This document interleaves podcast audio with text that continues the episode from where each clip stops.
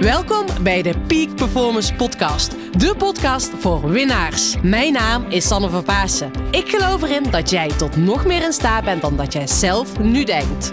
In deze podcast interview ik inspirerende gasten en geef ik tips om structureel topprestaties te leveren. Hiervoor heb je een hoge energie nodig, die je met toewijding doelgericht inzet. Niet als een eendagsvlieg, maar juist keer op keer. En dat vraagt durf en lef.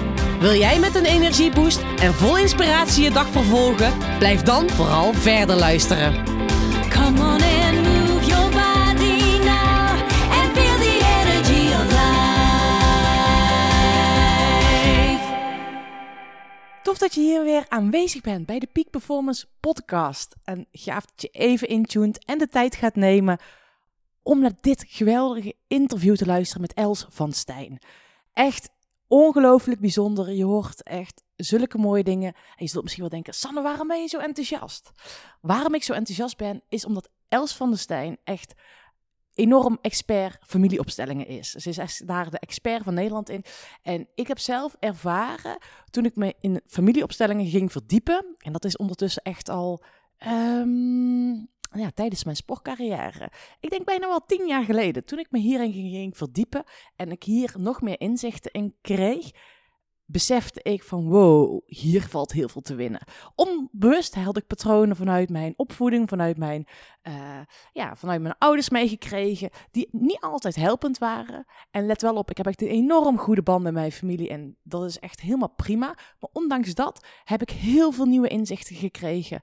eh, toen ik dus met familieopstellingen aan de slag ging. En ook weer tijdens dit interview. Tijdens dit interview hoor je ook waarom ik ineens besefte van hè, dat ik in één keer voelde van joh, het is klaar met mijn sportcarrière, het hoeft niet meer. Waar, waar dat mee te maken heeft. Nou ja, en ga luisteren, laat je inspireren. En ook voor jou gaat dit echt heel veel brengen. Ga gewoon lekker luisteren. Ehm, het is echt een heel mooi gesprek. Super lieve vrouw. En wat ook leuk is om te weten, omdat ik hier zo enthousiast over ben, heb ik ook besloten dat ik zelf een opleiding ga doen op gebied van familieopstellingen. Dus daar ga ik ook mezelf nog meer in verdiepen, zodat ik mijn klanten nog beter kan helpen. Ga luisteren en vergeet niet om mijn werkboek te downloaden. Ik heb een enorm mooi werkboek gemaakt, zodat je nog meer kan doen met minder. En dat werkboek, ik kreeg gisteren nog een reactie op van iemand die die had gedownload. Die zegt van Sanne, er is zoveel geshift sinds ik dat werkboek heb ingevuld. Ik weet niet wat er is gebeurd, maar je hebt echt mij in beweging gezegd, gezet. Er is een energieshift gekomen, ik heb nieuwe inzichten gekregen en ik doe het ook gewoon.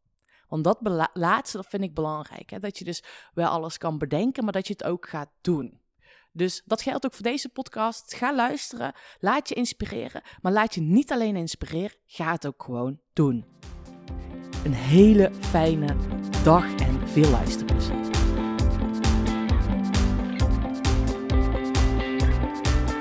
Lieve luisteraar, leuk dat je weer luistert naar deze nieuwe podcastshow. Vandaag zijn we in Utrecht bij Els. Els, dankjewel dat ik hier mag zijn. Mijn eerste vraag aan jou is, waar krijg je het meeste energie van? energie krijg ik van dingen doen die aan mijn waarden raken. Ik weet heel goed tegenwoordig in mijn leven wat ik belangrijk vind. En een waarde is iets wat je belangrijk vindt en wat je ook in je buik voelt. En als ik dingen doe die daar aan raken, dan, dan krijg ik energie. En in mijn waarden zit bijvoorbeeld eh, kwaliteit en schoonheid, maar ook avontuur. Dus ik krijg heel veel energie van reizen, eh, trektochten maken in de bergen. eh, maar daarna ook in een heel mooi hotel, een designhotel. eh dan er even weer lekker bij komen. Want ik hou ook gewoon van mooie dingen en kwaliteit. Dus aan de ene kant kan ik dus heel veel energie halen vanuit ja, in de natuur zijn. En aan de andere kant kan ik ook heel blij worden van een heel mooi hotel bijvoorbeeld. En daar heel lekker verwend worden met eten en mooie design of wat dan ook. Wauw, dat is wel heel mooi. Het is wel een mooie combinatie ook, dat je die dan combineert. Mhm. En je zei net al van, hè, die waarde, dat voel je in je buik. Mhm. Hoe voel je dat en hoe ben je erachter gekomen? Mm, waarden die, eh, ja, d- daar reageert je lijf op. Mhm. Zonder dat je het bewust van bent, is als je omgeving aan jouw waarden voldoet, of je daar nou bewust van bent of niet, Mhm. dan voel je aan de ene kant als je waarde positief geraakt wordt, krijg je energie en eh, dan voel je ook een bepaalde innerlijke rust. Dus het is een combinatie van energie en rust. Terwijl op het moment dat je je heel rot voelt of je denkt van nou, pff, was vandaag een stomme dag op het werk of eh het gesprek liep helemaal niet lekker, dan voel je dat je energie weg is getrokken.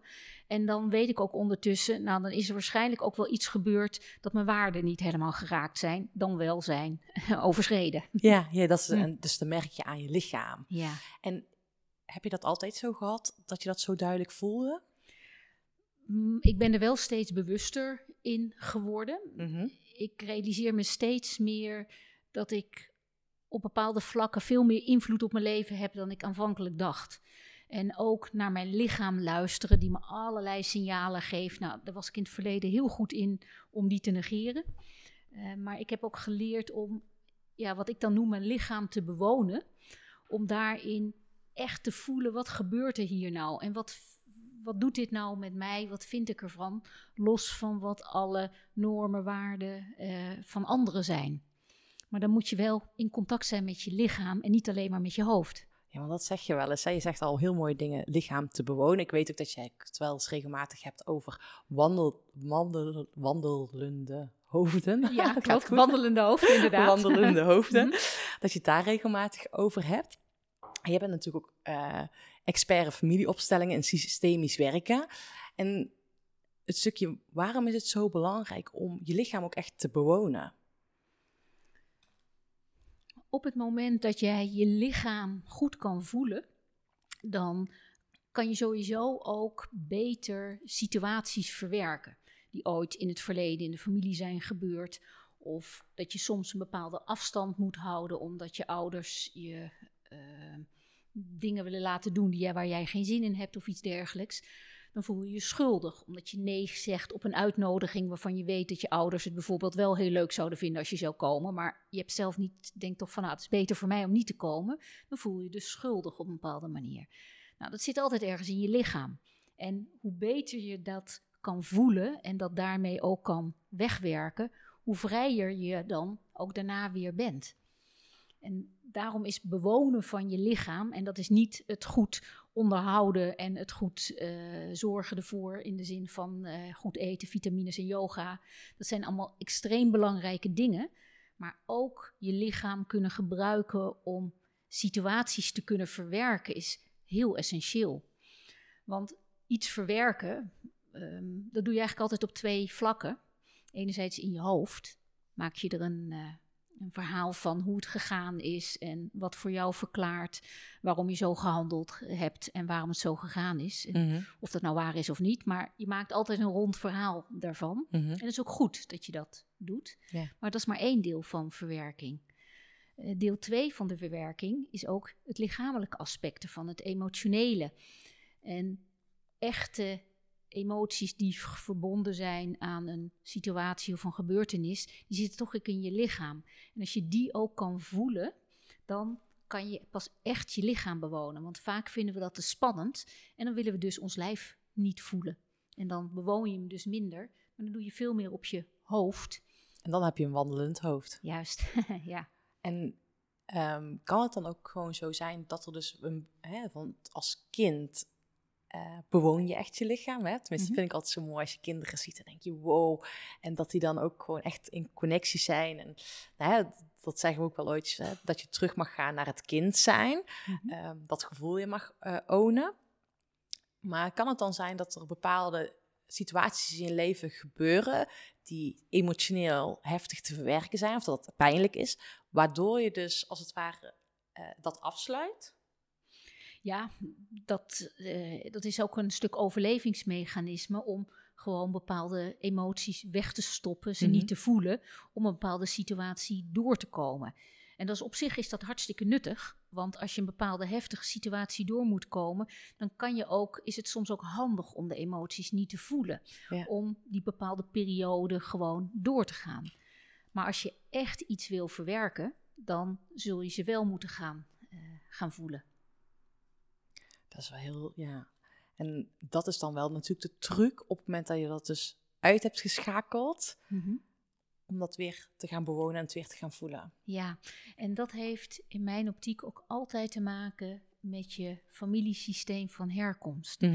Want je kan eh, je lichaam dus heel goed verzorgen, yoga doen, ademhalingsoefeningen, nou, of hardlopen of wat eh, iemands eh, manier om in het lichaam te komen ook is. Nou, dat is ongelooflijk nuttig en zinvol.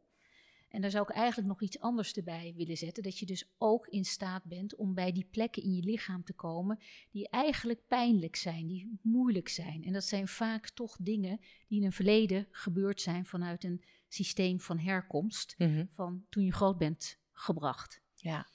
En wat bedoel je met het systeem van herkomst?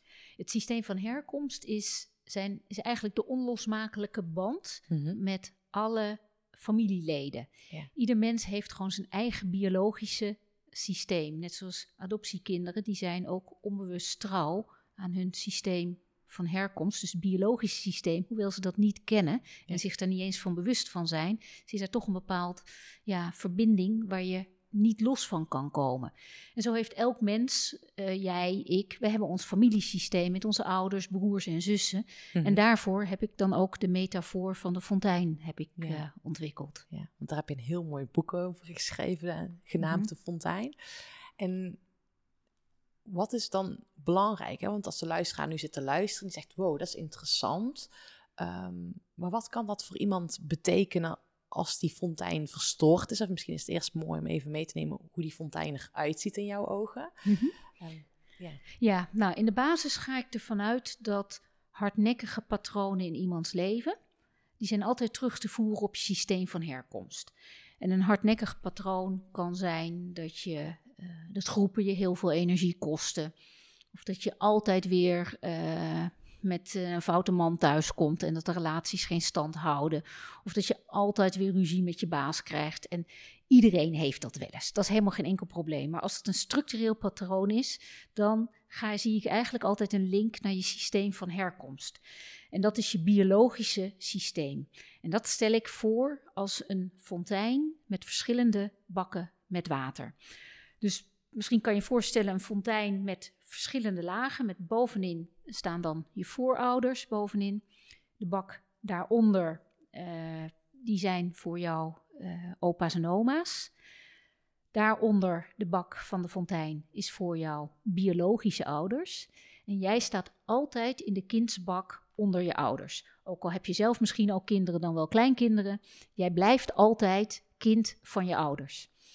En onder jou staan weer jouw kinderen en daaronder weer hun kinderen, et cetera. En ga zo Ja. maar door. Ja. En je moet op jouw plek in die onzichtbare fontein gaan staan. En iedereen heeft één plek. En de een is niet beter of meer, of handiger, of gunstiger, of slechter. Je moet met je innerlijke houding op die plek gaan staan. En dan sta je in volgorde van geboorte van, eh, van broers en zussen. Heb jij broers en zussen? Ja, ja. Wat, eh, wat heb jij? ik heb drie zusjes. Zusjes, dus die zijn jonger. Ja, en ik heb een overleden broertje. En welke volgorde zit daarin? Eh, ik ben, of eh, mijn broertjes komt voor mij en dan kom ik en dan al mijn zusjes. Ja, dus voor de buitenwereld lijkt jij plek 1 te hebben. Ja. Maar feitelijk heb jij plek 2. Ja. Want jouw grote broer, die Is- staat boven je. Ja, die is ouder. En je ja. hebt drie jongere zusjes. Dus je, het is eigenlijk een bak van vijf Ja. waar jij in staat. Ja. Dus je moet met je innerlijke houding op plek 2 gaan staan. En dus Ja. ook in deze bak moet je meerekenen. Mhm, Miskramen, mhm. eh, overleden broers en zussen, eh, geaborteerde kinderen. Oh ja, ja. Ehm, en ook, ehm, nou, stel dat jouw vader nog ergens een kind heeft rondlopen waar die al dan niet bewust van is, die staat ook in die bak. Ja. Dus soms weet je het ook niet precies in welke, eh, welke volgorde het is, maar als je innerlijk bereid bent om iedereen die erbij hoort een plek te geven, dus Ja. dat jij misschien eentje opschuift op meerdere plekken, Ja. dan sta je goed. Ja. En we kunnen uittekenen dat met mensen met wie het in de basis goed gaat in het leven, Mhm. en iedereen heeft wel eens een keer pech in het leven, maar als het in de basis goed met je gaat, eh, dan sta je relatief sta- stabiel op die betreffende plek in de fontein. En zo kunnen we ook uittekenen dat met mensen die altijd weer pech hebben, gedoe, gekke ziektes, tegenslag, ehm, dan eh, ja, hebben we gewoon door mensen te kunnen volgen, hebben we kunnen ontdekken dat ze eigenlijk niet goed met hun innerlijke houding in de fontein staan. En daarom is het ook zo belangrijk dat jij ook op plek 2 gaat staan Ja. en niet plek 1. Ja. En dan zul je ook dat direct in je lichaam voelen. Ja. Als jij nu je broer naast je visualiseert Ja. aan jouw rechterkant. Ja. Dus niet aan de kant van je hart, maar aan je rechterkant. Ja. En je broertjes of je zusjes aan de andere kant. Ja. Dan staat je broer op plek 1, jij plek Ja. 2 en dan nou, de, de zusjes ernaast. Ja.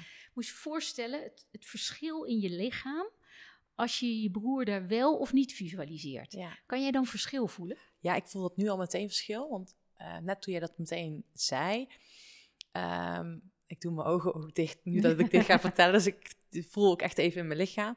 Ik voel op het moment dat mijn broer langs mij staat, voel ik meer een rust komen dat, het, dat ik niet zo hoef te rennen. Of dat het wel, ehm, ja, hè, dat, dat het wel goed is. Dus ik heb volgens mij altijd die bewijsdrang gehad. En ook in mijn sportcarrière.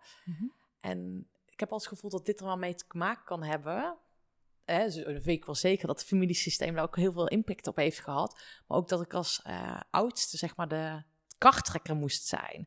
Terwijl ik de laatste jaren niet meer echt die karttrekker ben. En dat het ook heel fijn voelt. Ja, je voelt dus het verschil of je wel of niet op jouw plek staat. En soms merk je inderdaad dat iemand die eh, een eigenlijke plek 2 heeft, maar op plek 1 voor de buitenwereld is neergezet, omdat iemand, dus de broer, is overleden in jouw geval. Ja. Die zie je soms ook inderdaad eigenlijk bijna twee levens leiden. Ja. Alsof je bijna zowel je leven op plek 1 als op plek 2 Ja. moet gaan leiden. Dus dat kan soms best wel vermoeiend zijn. Ja. Nou, dat gevoel heb ik bij mezelf dus. En als ik dan ook, hè, eh, ik zei het in het voorgesprek al een stukje over mijn sportcarrière heb gehad. Dat ik mijn universitaire opleiding, eh, mijn teamrunnen en een sportcarrière gecombineerd heb op zo'n jonge leeftijd. Snap ik nog steeds niet dat ik het gedaan heb. Maar ik heb wel het gevoel dat dat mede daardoor te maken heeft dat ik wel voor twee leefde. Le- ja, precies. En het mooie is dat dat bij jou, zoals het er nu naar uitziet, eh, tot iets moois heeft geleid. In Ja. de zin van, eh, je bent jezelf wel een stuk voorbij gelopen, maar je hebt ook wel hele mooie dingen daardoor Ja. bereikt. Maar er zijn ook mensen die dan juist gaan leven als ze een overleden broer hebben, bijvoorbeeld, net zoals jij, van ik zorg dat het mij niet beter gaat dan jou Oh ja. omdat je anders zo schuldig voelt. Ja. Omdat je diep van binnen het verschil dan zo groot vindt worden. Dat als jij gaat stralen in het leven, Ja. dan wordt het verschil tussen jou en je broer zo Ja. groot. En dat zie je, die dynamiek zie je soms Ja. ook als, het, als er een, met een broertje of een zus, als het daar niet zo goed mee gaat of dat die gehandicapt is, dan is het zo moeilijk om je eigen geluk Ja. wel te nemen. In plaats van eh, dat het dan soms makkelijker lijkt om jezelf klein te houden. Ja, want ik hoor wel eens dat mensen tegen mij zeggen van... ik hou me in om succesvol te zijn. Of ik, ik wil wel succes zijn. En ik, ja, in mijn verwoording is succes altijd echt doen waar je gelukkig van wordt. En ook, weet je wel, je impact groter maken. En dat wordt wel eens tegen mij gezegd van... maar ik voel gewoon dat ik me inhoud. Of dat, ik, dat, ik niet, dat het niet meer mag zijn. Ja, En dat kan heel vaak dus met het familiesysteem. zeker. Ja, Want dan word je, eh, stel dat het niet goed gaat met je moeder of iets Mhm. dergelijks. Of dat zij niet heeft eh, kunnen eh, studeren en werken, omdat er in die tijd de vrouwen nog ja, naar trouwen. ja, dan word je maar huisvrouw. Ja. Niks mis mee als dat je eigen keuze is. Maar als je zelf wel vol ambities zit en het kan niet, Mhm. dan is het vaak ook voor de generatie daarna eh, dan heel moeilijk, zeker voor de dochters, dan om zelf wel die carrière te pakken, omdat je dan soms zo schuldig voelt. Ja, En ja. dat moet je dus ook wel kunnen uithouden, ook wederom in Ja. je lichaam, dat je je dan schuldig voelt. Want als je dat niet uithoudt, dan hou je jezelf dus weer klein. Ga je dus niet voor ja, jouw ambitieniveau, waardoor je misschien wel misschien ook een beetje voor je moeder eh, zorgt, maar je maakt jezelf eh, dan eigenlijk te klein En, en je houdt je in. En jij zegt uithouden, dus bedoel je dan ook dat je de, de pijn of de emotie die daarbij hoort, dat je die wegstopt? Nee, juist niet. Het juist niet Oh, dus- wegstoppen. Ja. Uithouden bedoel ik met hem voelen. Oh, voelen. Dus dat bedoel je met voelen. Dat, je juist ik voelt. voelen. Ja. precies. Dus je Want moet hem als juist voelen. schuldig voelt van, Ja. goh, stel jij hebt een, een eh, broer of een zus die hartstikke ziek is. Mhm. En die kan alleen maar op bed liggen en eh, die, die kan niet naar een feestje of iets, omdat die gewoon te ziek is. Of, en dan niet voor even, maar voor een langere periode. Dan moet je dus uithouden dat jij je schuldig voelt.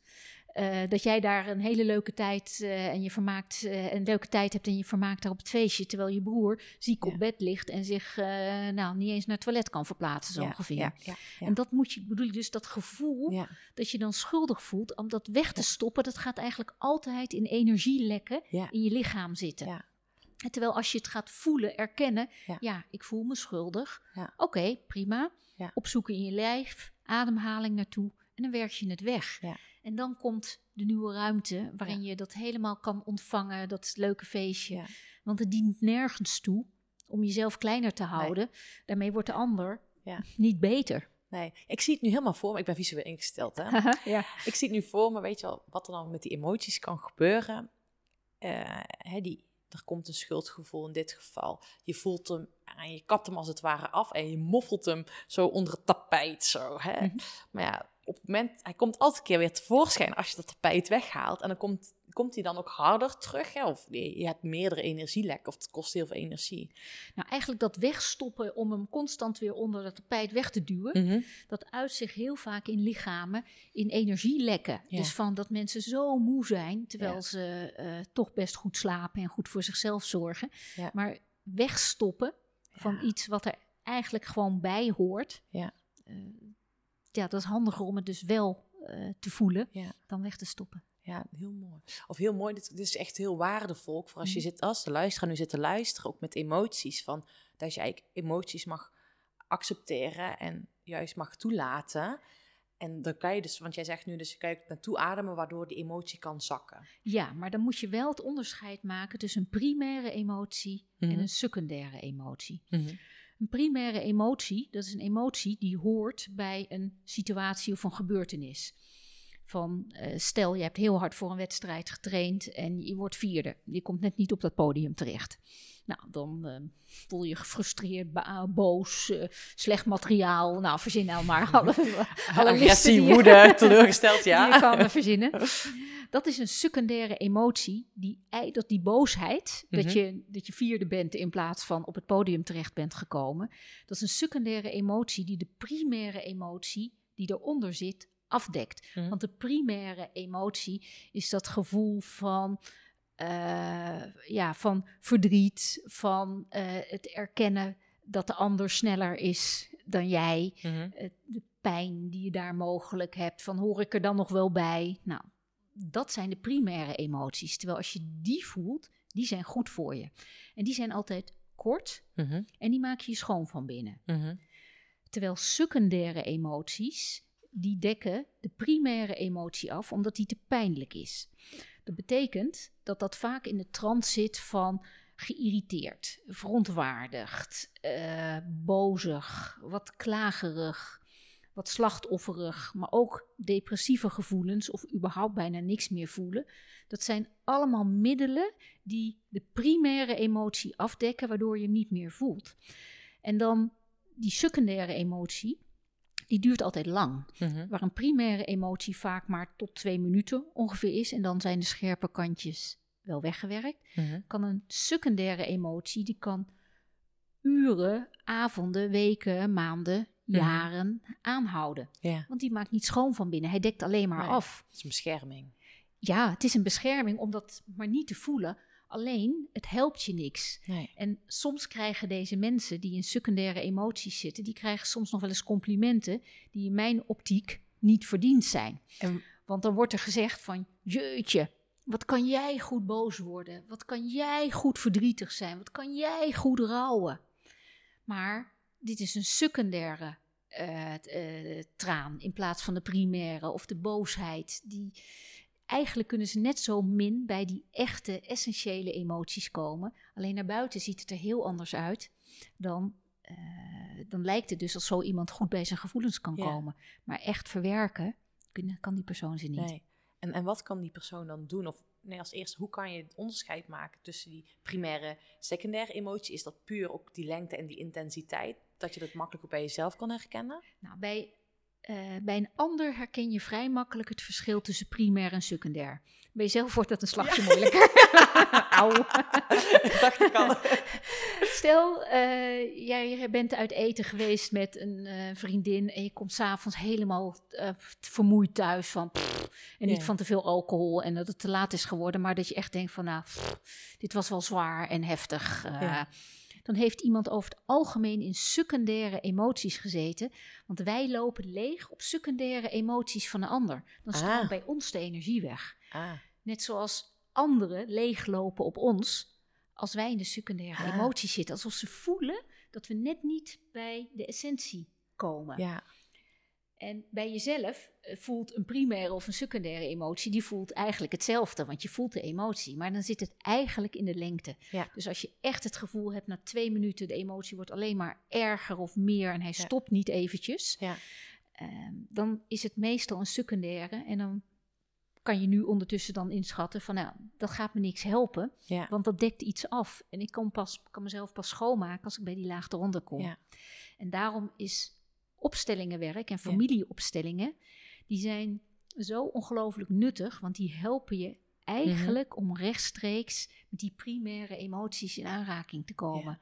Waar andere beschermingsmechanismen soms die eh, je nog kan weg, van houden, gewoon met doorzettingsvermogen en met je mentale kracht. Ja. Eh, met opstellingenwerk komt het echt rechtstreeks op de plek waar het eh, over het algemeen directe schoonmaak gaat Ja. plaatsvinden. Ja. ja, dat is heel mooi. Ik ben eh, recent bij jou bij een opstellingendag geweest. En het is gewoon heel magisch om te zien wat er gebeurt. En dat je. Het is gewoon een heel mooie tool om eigenlijk weer in contact te komen met jezelf, maar ook met je familiesysteem. Dat er ook heel veel dingen in je systeem kunnen zitten, in je familiesysteem, die je dus niet weet. Ik weet in dit geval dat ik een overleden broertje heb. Grootbroer, geen Een gro- broertje. Nee, is waar. broer. Oh ja, ik zie al erover praten. Dus ik sta nog niet op mijn plek, hè. maar, maar dat is dus, je kan het ook niet weten. Juist, ja. En dat krijg je, want ik heb eh, hele mooie dingen zien gebeuren. Dat mensen van bepaalde dingen niet op de hoogte waren. Of dat iemand iets wegmoffelde in haar eigen systeem, wat weer een impact had eh, op, op, ja, op haar andere kinderen bijvoorbeeld. Of dat is zo mooi wat er dus gebeurt. Ja, je ziet dus dat zo'n familiesysteem, die staat helemaal met elkaar in verbinding. En daarin zitten bepaalde wetmatigheden die, je, ehm, die de meeste mensen niet herkennen. Terwijl als je die, daar iets van gaat weten, eh, eh, dan kan je ze voor je laten werken. Want een van de wetmatigheden is ook dat ehm, je kan alleen maar dragen wat van jou is. Als je gaat dragen iets gedragen wat niet van jou is, dan verzwak je zowel uiteindelijk jezelf als die ander. En tijdelijk kan het best nuttig zijn om even verantwoordelijkheid over te nemen die niet van jou is. Maar op lange termijn gaat dat je eh, belemmeren. En dat is wat ik eh, opstijgen eh, noem in de fontein. Stel, je hebt voor een vader of een moeder gezorgd.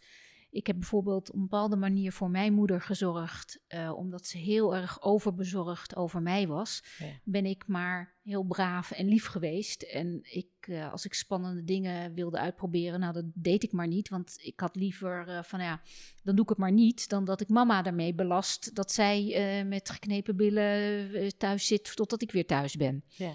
Dan sta je dus niet meer op jouw plek in de bak van de fontein, maar dan kom je in de bak boven je moeder in dit geval te staan. Waardoor je een patroon gaat krijgen dat je makkelijker gaat geven dan ontvangen. En dat je dus het heel vanzelfsprekend vindt om verantwoordelijkheid over te nemen die niet van jou is.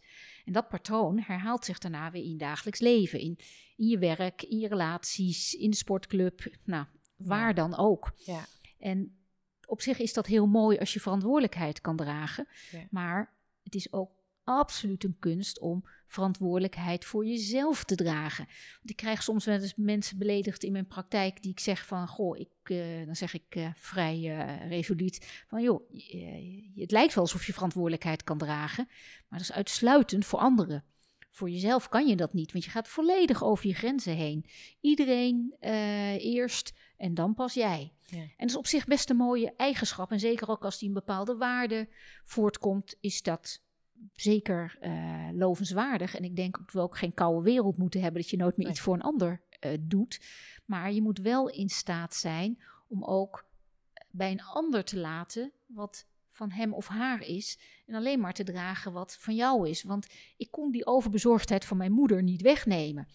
En ik heb gezorgd dat ze niet bezorgd werd. Maar ik, ik heb het niet in de hand dat, eh, dat zij haar angst zou kunnen bedwingen. Want dat moet ze zelf doen. Ja. Dus door eigenlijk eh, het lieve brave meisje te zijn en voor haar te zorgen op een bepaalde manier, eh, ontnam ik haar ook eigenlijk de mogelijkheid om een bepaalde kracht te ontwikkelen. Ja, want als jij gewoon je eigen pad was gaan volgen, had zij haar weerbaarheid of had ze haar zelf moeten Ja. ontwikkelen om daarmee om te mogen gaan. En dat is uiteindelijk heb ik dat wel op latere leeftijd ben ik dat gaan doen. Maar ik denk echt dat ik in mijn, in mijn jeugd daardoor echt wel leuke dingen gemist heb. Ja. Waar ik echt wel naar verlangde, maar die niet deed Nee. vanuit het feit dat ik mama niet bezorgd wilde maken. Ja, ja, en dat is een onbewust patroon wat je, wat je eigenlijk automatisch, hè, die rol heb je automatisch genomen als een soort beschermingsmechanisme, Klopt. eh, wat uit jouw systeem naar voren is gekomen. Juist, ja. Ja, En daarmee krijg je, ehm, sta ik dus niet meer op mijn plek in Ja. de fontein. Op het moment dat jij niet op jouw eigen unieke plek in die fontein staat, in jouw eh, situatie is dus plek 2, ja, en ehm, dan ontvang je dus niet uit die onzichtbare stroming van de fontein. Op het moment dat jij dan kinderen krijgt, voelen die altijd of jij wel of niet goed op jouw plek in de fontein staat. En dan kan een baby kan al beslissen of besluiten van ik ga voor mama zorgen. Ik ga mama troosten. Ik ga, als mama een enorme zorgbehoefte heeft, nou, dan ga ik als zorg als kind wel dat, ik, eh, dat mama veel kan zorgen.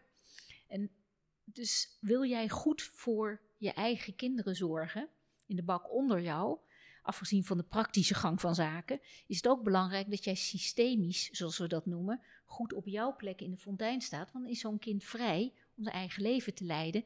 En dan kan alle energie die dat kind in zich heeft, wordt dan aan zichzelf en zijn eigen levensvervulling eh, wordt dat, eh, kan dat gericht worden. In plaats van dat het automatisch ook ja, voor een ouder gaat zorgen. En dat lukt toch nooit. Nee. En dan krijgt een kind vaak een oordeel over de ouders. En dat is wat ik ook een opstijgen in de fontein noem. Dus opstijgen 1 noem ik dat je van je plek gaat ergens naar boven in de fontein, omdat je verantwoordelijkheid overneemt die niet van jou is.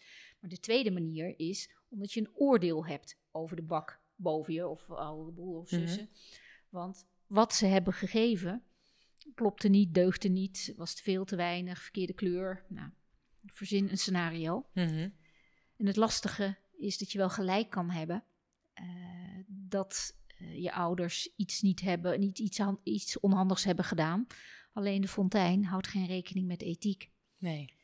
Dan stijg je alsnog op, want je zegt: Ik gun jou, precies. Ja. En dan stroomt het niet meer. Ja, nee, ik gun jou het niet. Ja, Ja, ik gun jou de plek niet Nee. boven mij. Ja. Jij bent niet goed genoeg voor mij. ja, ja. Terwijl mensen een package deal zijn, zoals ik dat altijd noem. En een, een package deal is al het mooie, Ja. al het minder mooie. En alles waar je naar verlangt en nooit zult krijgen. Ja. En vaak zie je in de package deal, eh, de, cliënten die ik bijvoorbeeld aan tafel krijg, dat, eh, dat minder mooie wat er, eh, wat er was. Dat iemand te veel dronk of heel veel eisend was of Ja. juist totaal innerlijk afwezig was. Ja. Dan zie je alleen maar dat minder mooie van die package deal. Ja. Terwijl ik help ook mensen om dat hele plaatje te gaan zien. Het is altijd genuanceerder dan dat ene aspect wat er niet is. En daarbij komt ook nog dat je als kind niets te eisen hebt van je Nee. ouders. Je kan wel denken dat je het recht hebt om iets te eisen, maar je hebt niks te eisen. Nee. Want waar zou je dat moeten opeisen of wat dan ook? Ja. Als je het gaat opeisen, zeg je: Jij bent niet goed genoeg voor me. En dan kom je erboven te staan. Ja. En dan moet je weer alles op eigen kracht doen. Terwijl als je in die, eh, op jouw plek in die fontein gaat staan, dan krijg je eigenlijk meer de natuurlijke mazzel in je leven. Dan gaat het vaker juist wel de goede kant op, dan niet de goede kant. Vind dit, dit laatste wat je nu allemaal zegt, vind ik zo bijzonder. Want dit is voor mij echt persoonlijk een hele grote eye-opener geweest. En ik was, ehm, denk ik, eh 18, 19 jaar. En tijdens mijn sportcarrière bewandelde ik echt mijn eigen pad. En mijn ouders hebben mij, ik ben op een boerderij opgegroeid, vrij beschermd. Ehm, en ik kan ook wel zeggen, dat heeft mijn vader op mijn afscheid van mijn sportcarrière gezegd van Sanne, dankjewel, mede door jou hebben wij de wereld gezien. Ik heb hun wereld groter gemaakt dan de boerderij. Ik heb ze letterlijk van die boerderij afgeholpen, of geholpen, nee, Ja. dat ze er vanaf Mhm. kwamen, dat ze op reis Ja. gingen. Ehm, maar ik heb een periode gehad dat ik eh, ja, het liep niet helemaal soepel met mijn ouders. Het was natuurlijk ook een gevecht met mezelf, omdat ik natuurlijk een bepaalde prestatie, die bewijsdrang zat er heel erg in. Ehm, maar ook dat mijn ouders ooit advies gingen geven over het sporten, maar terwijl dat ze daar geen verstand van hadden. Dus ik ging oordelen. Mhm. En ik, ik merkte ook dat ik ehm, ja, op een gegeven moment niet, weet je, die band liep niet soepel. Het was gewoon niet, ik merkte gewoon als ik thuis kwam, was er een spanning Mhm. dat ik ook op dat moment had ik een eh, coach en die heeft me ook hè, met het thema hè, over familieopstellingen mijn inzicht erin gegeven.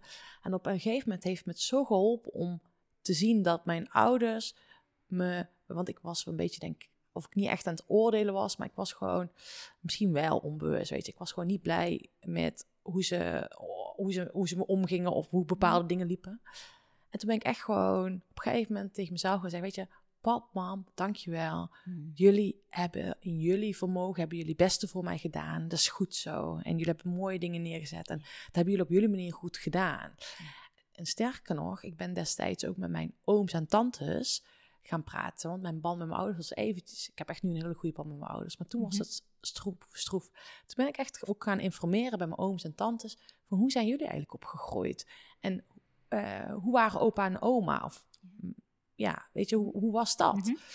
En toen kwam je wel achter, weet je, dat mijn moeders familie ook heel gelovig was, katholiek. En hoe dat dan was. En zeg maar hoe die relatie ook was tussen mijn opa en oma, terwijl ik die niet had gekend. En toen dacht ik, oh ja. Ja. er viel eigenlijk in één keer zo'n st- stukjes. Ja. Eigenlijk die package deal. Zo van, Mhm. ik kon in één keer mijn ouders zien. En ook gewoon hoe zij opgevoed zijn. En dat ik denk van, wow, jullie hebben vette dingen gedaan. Ten opzichte van jullie ouders hebben jullie een stap gemaakt. En ik ben weer de volgende generatie Ja. die weer nieuwe stappen zet. Ja. En je wordt energiek in één keer. Ja, wat prachtig. Nou, dit is dat ik, dat is weer een fontein laten stromen. Want ehm, door, je was opgestegen in de Ja. zin van je had een bepaald oordeel gekregen. Ja. En zeker als je je vader eh, niet boven je kan zetten in de, in de fontein, in de Ja. package deal, dan krijgt een mens bewijsdrang. Ja. Dat is heel idioot, maar dat kunnen we gewoon uittekenen bij mensen. Dan wil je extra gezien, erkend worden. En dan ga je vaak maatschappelijk heel hard werken of heel Oh, hard fietsen of wat dan ook je doel op dat moment in het leven is. Maar ook al heb je dan successen, dat Ja. beklijft niet helemaal. En pas Nee, als ja. jij, dat is het lastige. Je Ja. bent tijdelijk ben je natuurlijk wel even heel Ja. trots. En maar daarna word je, weer, eh, word je weer, raak je weer leeg. Ja. En het bijzondere is, je hebt, bent toen op onderzoek gegaan van, nou, nou eigenlijk ook een stuk geschiedenis van je Ja. ouders, want je weet heel veel dingen niet. Nee. Zeker ook van eh, vorige generaties. Daar werd over heel veel dingen gewoon echt niet gesproken. Dus ik ben ook zoveel milder geworden. Je weet niet wat er is Ja. gebeurd in, in de kerk, in, eh, in oorlog, in, nou in eh, niet genomen verdriet. Je weet niet wat er gespeeld heeft. En ze geven wat ze kunnen geven. En als ze meer hadden kunnen geven, Ja. dan doet elke Ja. ouder dat. Dus ze geven Ja. wat er op dat moment mogelijk is. En op dat moment, toen jij eigenlijk een breder beeld, een plaatje kon maken van de hele package deal van je ouders, toen voelde jij je ook weer ontspannen worden. En ook hier aan tafel, als je dat hier zo vertelt, je ogen gaan stralen, de lichtjes komen in je ogen. Ja. Dan gaat die fontein weer stromen, omdat je die hele package deal hebt aangenomen. En dan kom je ook bij je normale eh, ambitieniveau. Ja. Als je je vader dus boven je zet, Ja. dus wel aan kan nemen helemaal wie die Ja. is, dan kom je bij je eigen ambitieniveau. Dan wil je waarschijnlijk nog steeds heel veel mooie dingen doen, maar er zit niet meer een, een drive achter van zie mij nou, kijk mij nou, ik moet gezien worden. En dat is een hele andere manier van werken dan dat je erkend eh, wil worden en echt die bewijsdrang hebt. Weet, weet je wat er nu gebeurt? Er valt zo zeg maar een kwartje. Hm. Ehm, de- deze thematiek heeft gespeeld nadat ik eh, het wereldbekerklassement heb gewonnen. Eh, voor de luisteraar, mocht je dit, mijn verhaal voor het eerst weten dan, of horen, nadat ik heb, dat klassement heb gewonnen, ben ik door blijven rennen. En uiteindelijk een jaar later ben ik echt soort van, heeft mijn lichaam letterlijk gezegd van halt en niet verder. En ehm, toen kon ik ook gewoon niet meer fietsen een jaar lang. Heb ik gewoon een jaar lang, eh, was op de gewone fiets fietsen al niet mogelijk. Maar toen is dit allemaal gaan spelen. En is dat op zijn plek gevallen. Toen is het op zijn plek gevallen, ben ik teruggekomen. En daarna voelde ik ook letterlijk wat je net zegt. Het hoeft niet. Het gaat niet om winnen. Ja. Eh, in die zin van beter presteren. Het gaat gewoon dat ik mezelf ben en dan win ik. En is ook wel de metafoor die ik nu op dit moment altijd gebruik. Ik help mensen zakelijk winnen zonder privé te verliezen. Mhm. Maar je wint als je echt doet waar je gelukkig van wordt. Juist. En dat is, nou ja, En je kan eigenlijk pas echt jezelf worden als je je ouders hebt aangenomen. ja, Want je bent 50% je biologische vader en 50% je biologische moeder. Ja. Als je hen afwijst, dan wijs je jezelf af. En dan ga je zelf dus nooit tevreden worden. Dus dan ga je vaak allerlei lifestyles hanteren ja, om maar ja, iets van ja, stevigheid aan je, om, je, om jezelf heen te bouwen. ja, Maar de vraag is of jij dat in essentie bent. Ja. En pas als, dat zie ik gewoon bij al mijn cliënten, op het Ja. moment dat ze echt kunnen zeggen: Papa en mama, jullie mogen zijn zoals jullie zijn, met alles erop en eraan. En ik laat bij jullie wat van jullie is en ik kijk aan wat van mij is. Pas dan ga je eigenlijk echt bij je innerlijke, echte ik komen met wat je dan pas echt wil bereiken. En dan zijn alles eh, sluiers van e- ja, ego zijn dan een heel stuk dan weggewerkt. ja. Want dat is wel heel bijzonder. Hè? Die ego's, ja, het zegt Mhm. die bewijsdrang, dat dat dan zo kan veranderen dat dat, Ja. ja, dat, dat ermee te maken heeft. Want we zijn heel vaak inderdaad, we willen bepaalde prestige. Mhm.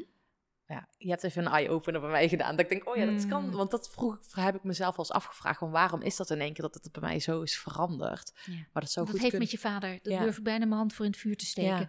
dat dat iets te maken heeft met de innerlijke houding van je vader, naar je vader toe. En het doet er niet toe of jouw vader jou wel of niet kan zien.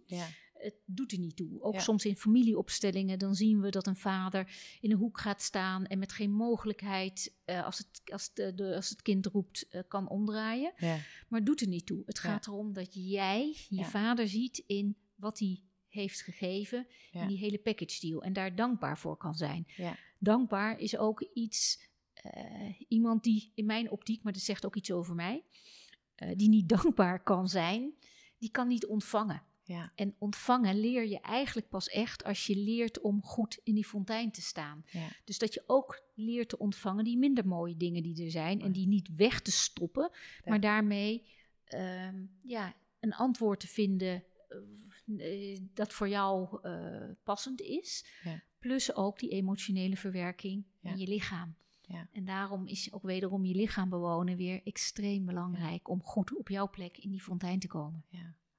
Els, schiet nu een vraag bij mij door mijn hoofd. Van, kan het zijn, ondanks dat je een hele goede band hebt met je ouders, ehm, dat er ergens in je familiesysteem iets zit wat je weerhoudt? En ik heb pas een, een, Mhm. zelf bij een van mijn klanten die zegt, ik heb een hele goede band met mijn ouders, maar hij heeft heel veel moeite ehm, ja, om, om te genieten, dankbaar te zijn. Hè, het stukje wat je Ja. nu zegt, dat is een groot issue, maar Ja. zijn band met zijn ouders en familie is echt top. Mhm. Ja, nou dan, wat er dan vaak gebeurt, op het moment, ik ga altijd wel even checken of iemand zijn ouders echt boven zich kan zetten in Mhm. de fontein. En niet alleen maar met hun hoofd, Ja. maar ook met die lichamelijke overgave, dat je echt eh, dat in elke cel kan voelen. En een opstelling is daar een fantastische methodiek voor. Je ziet soms mensen die eh, succesvol zouden kunnen zijn, maar het uiteindelijk net niet zijn. Die eigenlijk op de momenten dat ze moeten oosten, dat niet doen. Ja. En dan kan er sprake zijn van een zogenaamde onbewuste identificatie. Oh ja. En een onbewuste identificatie heeft te maken met het zogenaamde familiegeweten.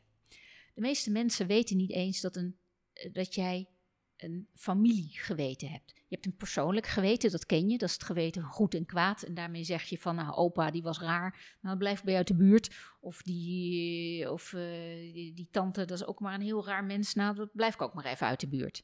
kan je, dat is vaak ook best verstandig om soms uit de buurt te blijven. Als je maar met de innerlijke houding hebt, ze horen erbij. Ja. Dat is het persoonlijke geweten.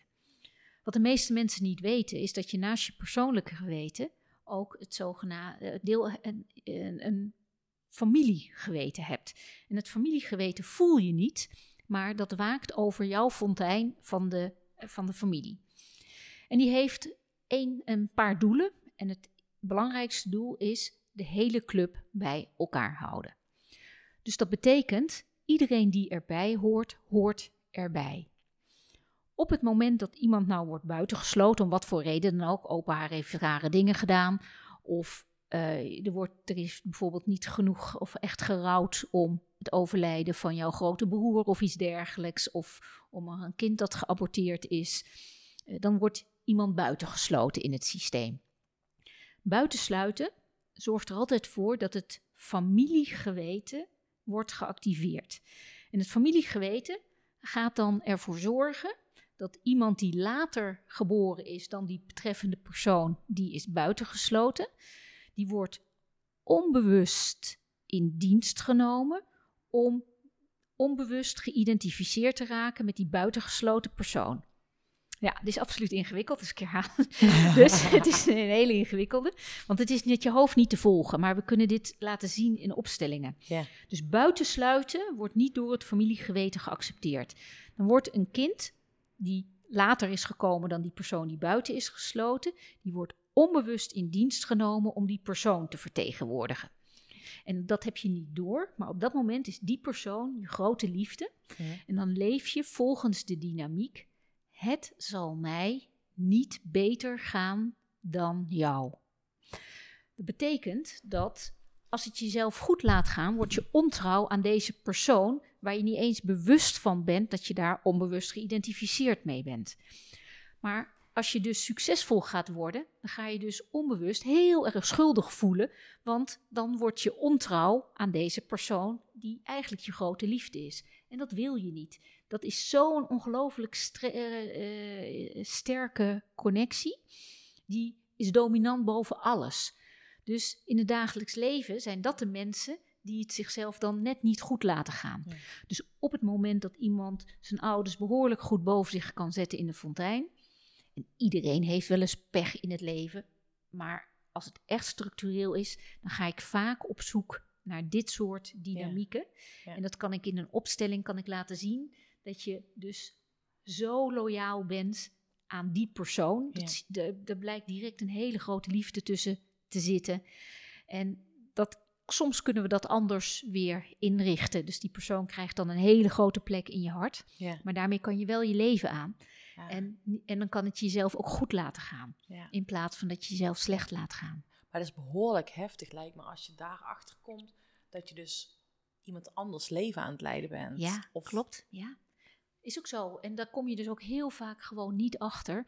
En ik weet eigenlijk, eh de enige manier hoe je daar bij mijn weten achter kan komen. En als er mensen zijn die eh, weten hoe je er nog meer achter kan komen, alsjeblieft informeer me. Mhm. Maar dat is een familieopstelling. En ik kan het ook in mijn coaching, omdat ik redelijk ge- gevoelig ben, kan ik dit ook wel op een bepaalde manier aanvoelen. Ja. Ehm, maar dat kan je zelf vaak niet doorhebben. Maar dan kan je dus. K- dan krijg ik vaak cliënten bij me die zeggen van... Goh, ik lijkt wel alsof ik mijn leven leef met, met mijn voet op het gaspedaal... en tegelijkertijd op de rem. Ja. En die worden dus dan minder succesvol. Ja, dus ik vind dat heel bijzonder. Ehm, en dat is wel echt super mooi dat je met de familieopstelling dat, eh, ja, dat kan voelen en ervaren. Ja, En zometeen wil ik nog even iets meenemen over familieopstelling. Want ik kan me voorstellen dat mensen nu zitten luisteren. En hoe doe je dat dan, hè, familieopstelling? Mhm. Maar als eerst ben ik eigenlijk nog nieuwsgierig naar... eh, we hebben het heel over, van, het is belangrijk dat je je ouders op je plek zet. Mhm. En ik vertelde net mijn verhaal dat ik eigenlijk de package deal eigenlijk was gaan zien van mijn ouders.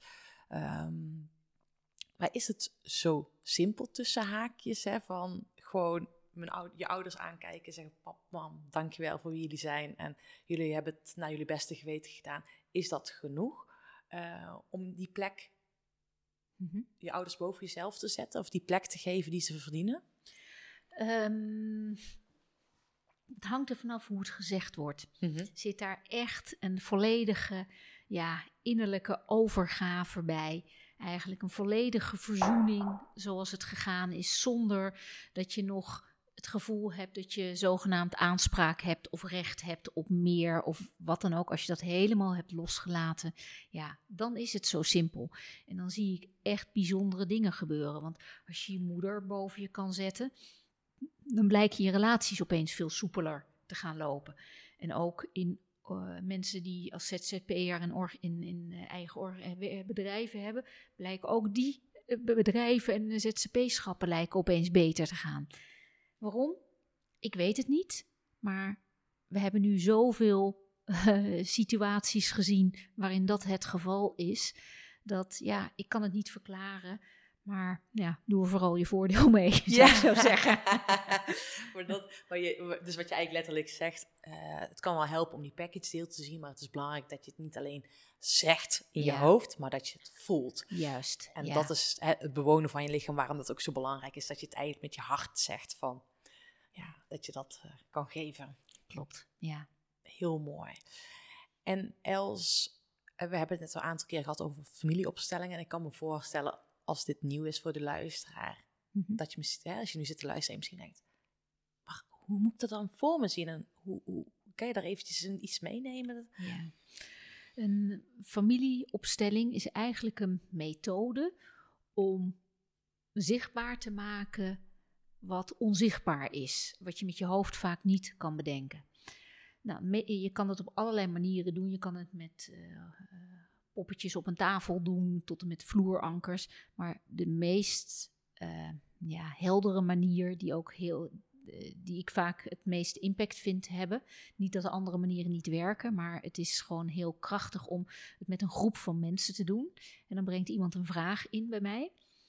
En, ehm, en dan ga ik een aantal mensen in de ruimte eh, opstellen, die dan je vader, je moeder, je overleden broer en iemand van jou bijvoorbeeld, daar zou ik bijvoorbeeld mee beg- eh, beginnen als ik bij jou eh, aan de slag zou gaan. Dus je vader en je moeder, je overleden broertje en jij. En dan, jij zit dan nog naast mij als cliënt, maar dan zijn die andere mensen zijn representant. En dan laten ze zich leiden door hun bewegingen. En op het moment dat zij innerlijk ja zeggen tegen, goh, ik wil representant zijn voor jou in jouw opstelling, dan lijkt je ergens een bepaalde connectie te kunnen maken met jouw familiesysteem. Dat ook al weten ze helemaal niets van jouw familiesysteem, ze komen ergens op een plek in de ruimte waarvan jij dan vaak hebt van, hoe kunnen ze dat weten? Zo stond mijn moeder ook altijd. Oh, dat gebeurde ook al. Dat, we kunnen het niet verklaren hoe het werkt, maar we zien dat het werkt. En dan krijgen we dus een eerste indicatie hoe die fontein stroomt. En eh, nou, vervolgens gaan we kijken of we een aantal interventies kunnen doen, zodat jij misschien nog beter op jouw plek in de fontein kan komen te staan. En dan kan je ook echt voelen in je lichaam wat, wat dat met je doet. En dan zul je ook merken, als je echt, als het lukt om op jouw plek in die fontein te komen, dan voel je je potentieel, je voelt je lichaam anders. Je bent meer geaard op de grond. Je kan meer om je heen kijken. Je ademhaling gaat meer door je lichaam. En als je dan toch weer de neiging krijgt om bijvoorbeeld voor je vader eh, eh, te gaan zorgen, omdat eh, ja, omdat je gevoel hebt dat dat nodig is, dan, dat je dan beweeg je bijvoorbeeld weer in die opstelling, dan voel je direct in je lichaam dat je weer meer op slot gaat, dat je pijn in je nek gaat voelen of nou ja, op wat voor manier. Dus het is heel bijzonder hoe je lichaam daar zo Ja. op reageert. Ja, en dat is echt, ik heb zelf een aantal keer familieopstelling bijgewoond en ook representant gestaan. Het is zo bijzonder. Mhm. En dan denk je, hoe kan ik dat voelen? Maar je voelt dus zoveel. En eh, ik moet zeggen, ik, hè, met mijn klanten heb ik het ook over familieopstellingen. En daar praten we er gewoon zo over. En ik voel gewoon ook gewoon met al gesprekken, voel ik ook gewoon wat er in die familie gebeurt. Het is gewoon dat je ze intuned of tegen jezelf afstemt met die familie. Mhm. Ehm, en ik weet nog heel goed dat ik zelf, eh, ik werd representant gestaan, wil je voor die representant staan. En ik voelde meteen, bam, zwaarte op me. Maar je kan dus aangeven, dat kan ik of dat kan ik niet. Hè? Maar Mhm. ik voelde wel meteen, I can handle this. Ja. Nou, dat zal je natuurlijk niet verbazen. Maar ik was dus het overleden, ik weet niet, broertje of zusje Ja. van diegene. Maar ik voelde dus letterlijk in die ruimte dat ik in die ruimte, ik moest uit die ruimte, ik mocht er niet zijn. Dus ik voel eigenlijk, viel eigenlijk letterlijk op de grond tegen de muur aan. Dus ik voelde Ja. gewoon echt, dat is zo bijzonder dat je dat dus voelt. En ik wist niet Ja. wie ik was, wat ik was, ik wist niks van. En dat ik gewoon zo kon voelen, Ja. dat ik ja, weggemoffeld was, als het ware. En dan voel je dus hoe. Ehm, je, krijgt, of, je krijgt niet voor niks een representantenrol. Nee. Bijna altijd kan je die wel herleiden naar je eigen familiesysteem. Of dat het een heling voor jou is, of dat je opeens snapt hoe je vader of je moeder je moet voelen. Hoe frustrerend het is dat een dochter niet naar de moeder kan bewegen. Moest voorstellen dat jij een kind hebt die niet naar jou zou kunnen bewegen. Ja. Hoe frustrerend het is. Ja. Nou, dan kan je opeens misschien, stel dat jij die beweging zo moeilijk naar je moeder kan maken, Ja. kan je opeens voelen van, oh wauw, dit, eh, ja, dit is helemaal niet fair, want mama die heeft gegeven wat ze kon geven, et cetera. Dus opstellingen die helpen je om jouw eigen thema's ook nog weer aan te raken. En zelfs in die representantenrollen. Ja. En ik kom altijd in de rol als, eh, dan word ik gevraagd voor de moeder of de oma. En dan ga ik ergens in de ruimte staan. En dan voel ik de tranen alweer over mijn wangen stromen. En dan nou, wordt er aan me gevraagd van, joh, hoe voel je? Ja, koud, rillerig. En ik kijk constant naar de grond. En heel verdrietig. En ik was alweer aan het te huilen. En werd er even navraag bij de cliënt gedaan van, wat weet jij van moeder of van oma? Nou ja, allemaal miskramen en doodgeboren kinderen. En denk ik van, ah ja, ja, dat ken ik zo goed. Eh, Mijn echtgenoot en ik hebben ook een bak vol met alle, onder ons alleen maar miskramen en geen enkele leeft. Ja. En dit heeft me dus altijd geholpen om eigenlijk mijn, mijn pijn eh er doorheen te komen. Ja. En eigenlijk het litteken eh, ja, schoon te maken. Want Ja. elk mens heeft littekens. Ieder mens die loopt butsen en builen op en eh, die moet antwoord vinden op vragen in eh, zijn of haar leven. Ehm, dus een litteken is helemaal niet erg. Maar eentje die niet schoongespoeld is, Ja. dat is wel een probleem. En dan gaan jouw kinderen vaak weer voor jou zorgen. Als Ja. jij het niet aankijkt, dan is het, lieve mama, als jij niet kijkt, kijk, Kijk ik, ik wel met liefde en respect. Ja. En een kind kan dat heel moeilijk loslaten. Dus hoe beter jij dus op jouw plek in die fontein staat, hoe beter je voor jezelf zorgt, hoe Ja. lekkerder je jezelf ook Ja. voelt, maar hoe beter dat ook is voor de volgende generaties. Dus mijn missie, eh, die ik eigenlijk tegenwoordig eh, heb, is volgende schone generaties creëren. Want ik kan dan wel zelf geen levende kinderen produceren, maar ik kan wel helpen moet. dat. ehm, nou, iedereen moet het uiteraard zelf doen, maar ik kan een stukje de weg wijzen van goh, als de ouders goed op hun plek staan, dan zijn, is die volgende generatie zoveel meer in staat om Ja. al hun energie te besteden aan hun vraagstuk, aan hun Ja. eigen dingen en niet aan het dragen Ja. van wat van een ander is. Ja, heel mooi, Els. Hele Mm. mooie missie heb je. Dat is echt geweldig dat je dan op die manier... Ja, je zegt hè, gewoon dat iedereen nog meer zijn leven kan leiden. Ja, En dat, wat jij nu zegt, komt eigenlijk nog meteen iets bij mij binnen. Want je bent natuurlijk als ouders zijn, ben je met z'n tweeën. Mhm. Dus het is ook nog in, in de relatie heeft ook nog impact of de een of de ander niet op zijn plek staat. zeker, absoluut. Dat eh, soms eh, heb ik hier eh, wanhopige vader of een moeder, dat de partner eigenlijk nooit bereid zal zijn om zijn of haar plek in de fontein aan te nemen. En dat heeft gevolgen voor ja, de gezamenlijke kinderen. Ja. dat is zo. En daar kan je niets aan veranderen. Dus je kan alleen maar invloed hebben op wat jij doet. Dus zorg dat jij goed op jouw plek staat. Dat de kinderen daar in ieder geval bij jou kunnen rusten dan op een bepaalde manier. En op een gegeven moment kunnen ze zelf hun eigen thema's ook aankijken.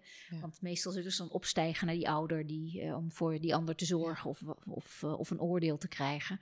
Dan Ja. lopen ze wel tegen bepaalde patronen aan in hun leven op een gegeven moment. Ja. Nou, dan kunnen ze dat ooit aankijken. Hm. En je hebt het gelukkig zelf altijd in de hand om op je eigen plek in die fontein te staan. Ja.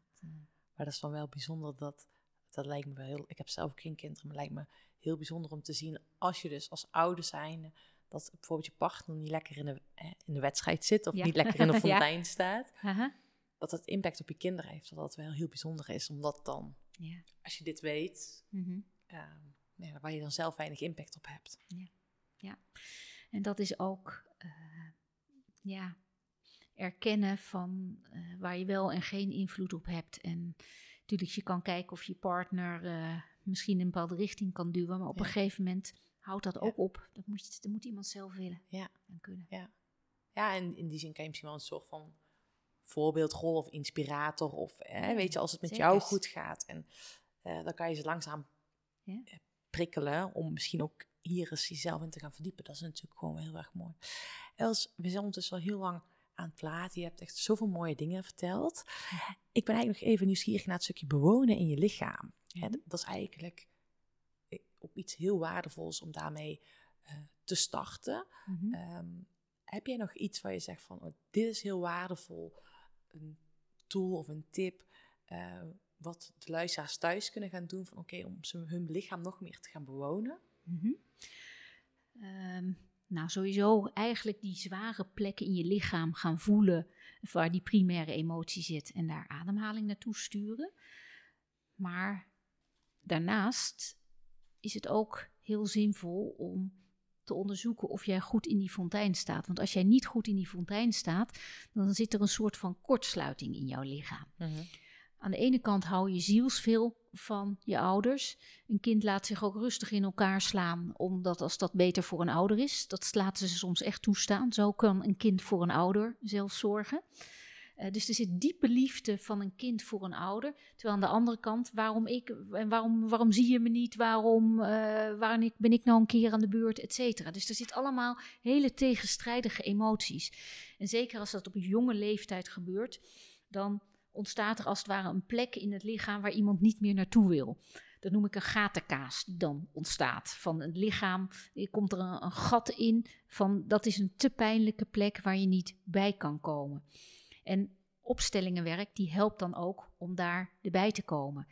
En je ziet soms ook dat kinderen, eh, of nou volwassen kinderen zijn of niet, of die, dat die zo boos zijn op hun ouders, dat ze, dat ze eigenlijk zeggen, liever blijf ik boos op je, dat laat ik ze dan ook uitspreken, liever ben ik boos op je, dan te voelen hoezeer ik je heb gemist en hoezeer ik je nodig heb gehad. En als je bij je gevoel kan komen, ik heb je gemist, ik heb je nodig, dan sta je eigenlijk behoorlijk goed in die fontein.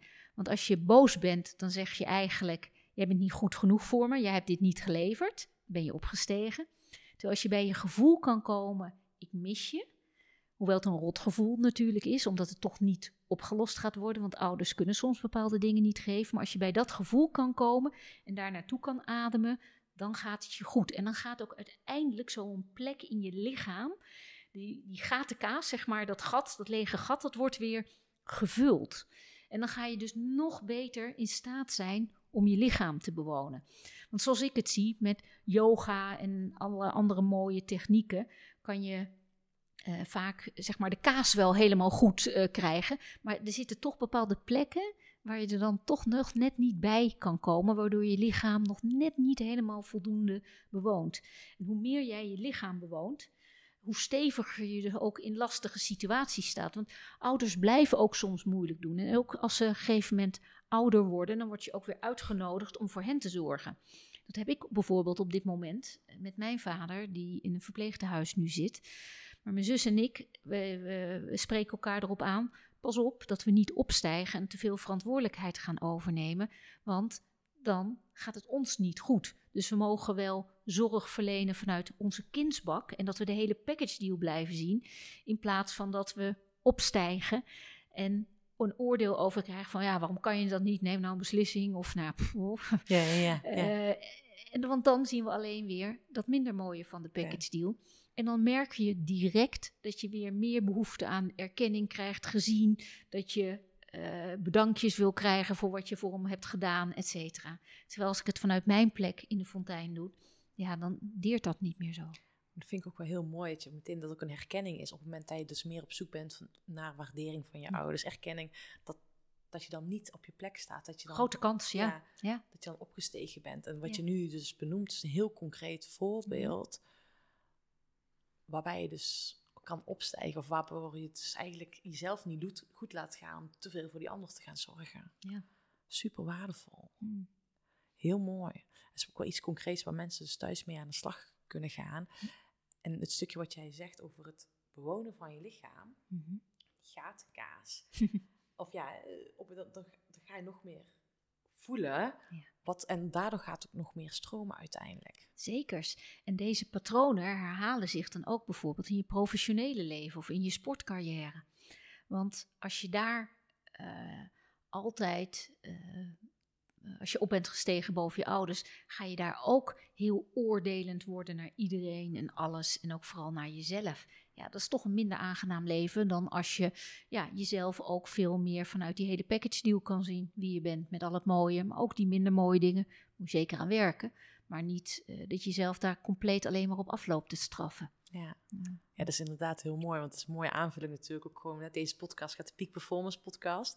Hoe kan je topprestaties leveren? Of hoe kan je uiteindelijk echt doen Ja. wat je zelf wilt. wa- Waarin je dus eh, happy bent met datgene wat je doet. Ja. En dat op het moment dat je dus op je plek staat en eigenlijk die package deal van je ouders, van je familie aanneemt, ehm, dat impact heeft op je professionele carrière. Dat Ja. zo waardevol is. Ja. En wat ik net nog, eh, wat me nu nog te binnen komt, een stukje met jou, ehm, die gatenkaas en een stukje voelen, omdat in het familiesysteem waarom dat zo waardevol is, omdat er ook heel veel ongezegde dingen of onuitgesproken dingen kunnen zijn, wat dus impact heeft of kan hebben op iemand. Ja, want vaak voel je toch onbe- misschien eh, of op een onbewust niveau dat er, dat er nog een, eh, eh, een miskraam er is. Of dat er over bepaalde geheimen in de familie niet worden gesproken. Dat zorgt altijd voor onrust in een familiesysteem. Ja. En dat kunnen we dus in een opstelling kunnen dat Ja. zichtbaar maken. Ook geheimen, Ja. eh, die horen ook bij een familiesysteem. Ja. ja. Mooi, ja. Els, dankjewel voor de mooie woorden. Ehm, als de luisteraar nu zit te luisteren en die denkt, ik wil meer over Els weten, waar kunnen ze jou vinden? Ehm, op mijn website elsvanstein.nl met S-T-E lange I N, dus elsvanstein.nl. Ik heb ehm, op mijn website staan ook een aantal blogs waarin ik de fontein link aan allerlei thema's in het leven. Dus bijvoorbeeld hooggevoeligheid en de fontein. Ah, Uh, hoe ga je om met ouder wordende uh, ouders en de fontein? Uh, hoe beïnvloedt liefdesrelaties, of de fontein, hoe heeft dat impact op je, op een liefdesrelatie of iets dergelijks? Dus zo relateer ik op mijn website allerlei thema's van de fontein aan ja, thema's in het dagelijks leven. En de uitgebreide versie kan je lezen in mijn boek. Ja. Els, van de, de Fontein vind Ja. je plek. Ja, nou, die is sowieso een aanrader. Dat boek is echt al eh, heel waardevol. Ehm, en ik heb recent ook nog een aantal blogs van je gelezen. Super mooi. Dus dat is heel, ja, op het moment dat je nu denkt, ik kan alleen maar aanraden. Ga eens lezen, ga je er zelf eens in verdiepen. En wat ik je ook echt kan aanraden, woon een keer een familieopstelling bij. En als res- representant, die ervaring eh, is gewoon heel bijzonder. Heb jij nog eh, dagen waarvoor ze in kunnen schrijven? Ik heb toevallig op mijn website nog een eh, paar extra data erbij gezet, want ik heb eh, redelijke wachtlijsten. Dus ik heb extra data heb ik nu eh, opengesteld. Ehm, ik heb wel wachtlijsten, maar schrijf je wel in op de wachtlijst. Op een gegeven moment kom je ook bovendrijven. Ja. Simpel is het. Het kost misschien even tijd, maar we gaan daar zorgvuldig mee Ja. om. Ja. Dus wees vooral heel welkom. Ja, mooi, dankjewel Els. Zijn er nog dingen dat je denkt, oh dit is waardevol of dit had ik nog graag willen delen? Ehm, nou, een van de essenties van eh, de fontein is gun de ander de plek, hun eigen plek, want Mhm. iedereen heeft zijn eigen plek. En gun de ander die ook zegt ook niet van dat mag jij niet of dat, dat is niet jouw plek. Nee, als die plek van die persoon is, is dat die plek van hem of haar. En laat jezelf ook niet van je plek verjagen. Dus jij hebt ook recht op jouw eigen unieke plek. Ook al zouden anderen jou die zogenaamd niet gunnen, als dat jouw plek is, blijf daar staan. En ja, ga dan lekker je leven lezen, leven. En met je moeder boven je, dan, je moeder staat namelijk ook voor het leven. Ah, Als jij je moeder afwijst, uh-huh. of voor de zorgt waardoor die boven de komt te staan, dan wijs je ook op een bepaalde manier het leven af. Dus moeders zijn extreem belangrijk om heel goed, ja, vol in het leven te staan. En van je vader krijg je je natuurlijke daadkracht. Ja. En die horen bij elkaar. Wauw. Mooi, dankjewel Els. Ik wil je bedanken. Dank voor de uitnodiging dat ik hier mocht zijn. Bedankt voor het luisteren van deze podcastaflevering. Ik vind het zo gaaf dat je tot het einde bent gebleven. Nou, daar wil ik je natuurlijk ook voor bedanken. Ik wil nog twee dingetjes meegeven. Ga naar mijn website toe. Daar heb ik een toffe weggever staan waarbij ik je help vol energie je doelen te realiseren. Moeiteloos, recht op de finish af en ik help je zakelijk winnen zonder privé. Nou, ik zou zeggen, ga eventjes eh, ja, naar mijn website en daar vind je deze gratis download. En ik help je dus echt mee om recht op de finish af te gaan. En daarnaast wil ik je vragen, want het is mijn missie om nog meer mensen, om duizenden mensen te inspireren met deze podcastshow. Dus maak even een screenshot, deel het op social media, tag mij. Ja, en ik vind het dan ook weer leuk om jouw verhalen weer te delen. Dus deel mijn inzicht, of jouw inzichten van deze podcast en dan zie ik deze ook weer voorbij komen. Dankjewel, een hele fijne middag, avond of ochtend toegewenst. En vergeet één ding niet, kom in actie, want daarmee ga je het verschil maken. Doei doei! Come on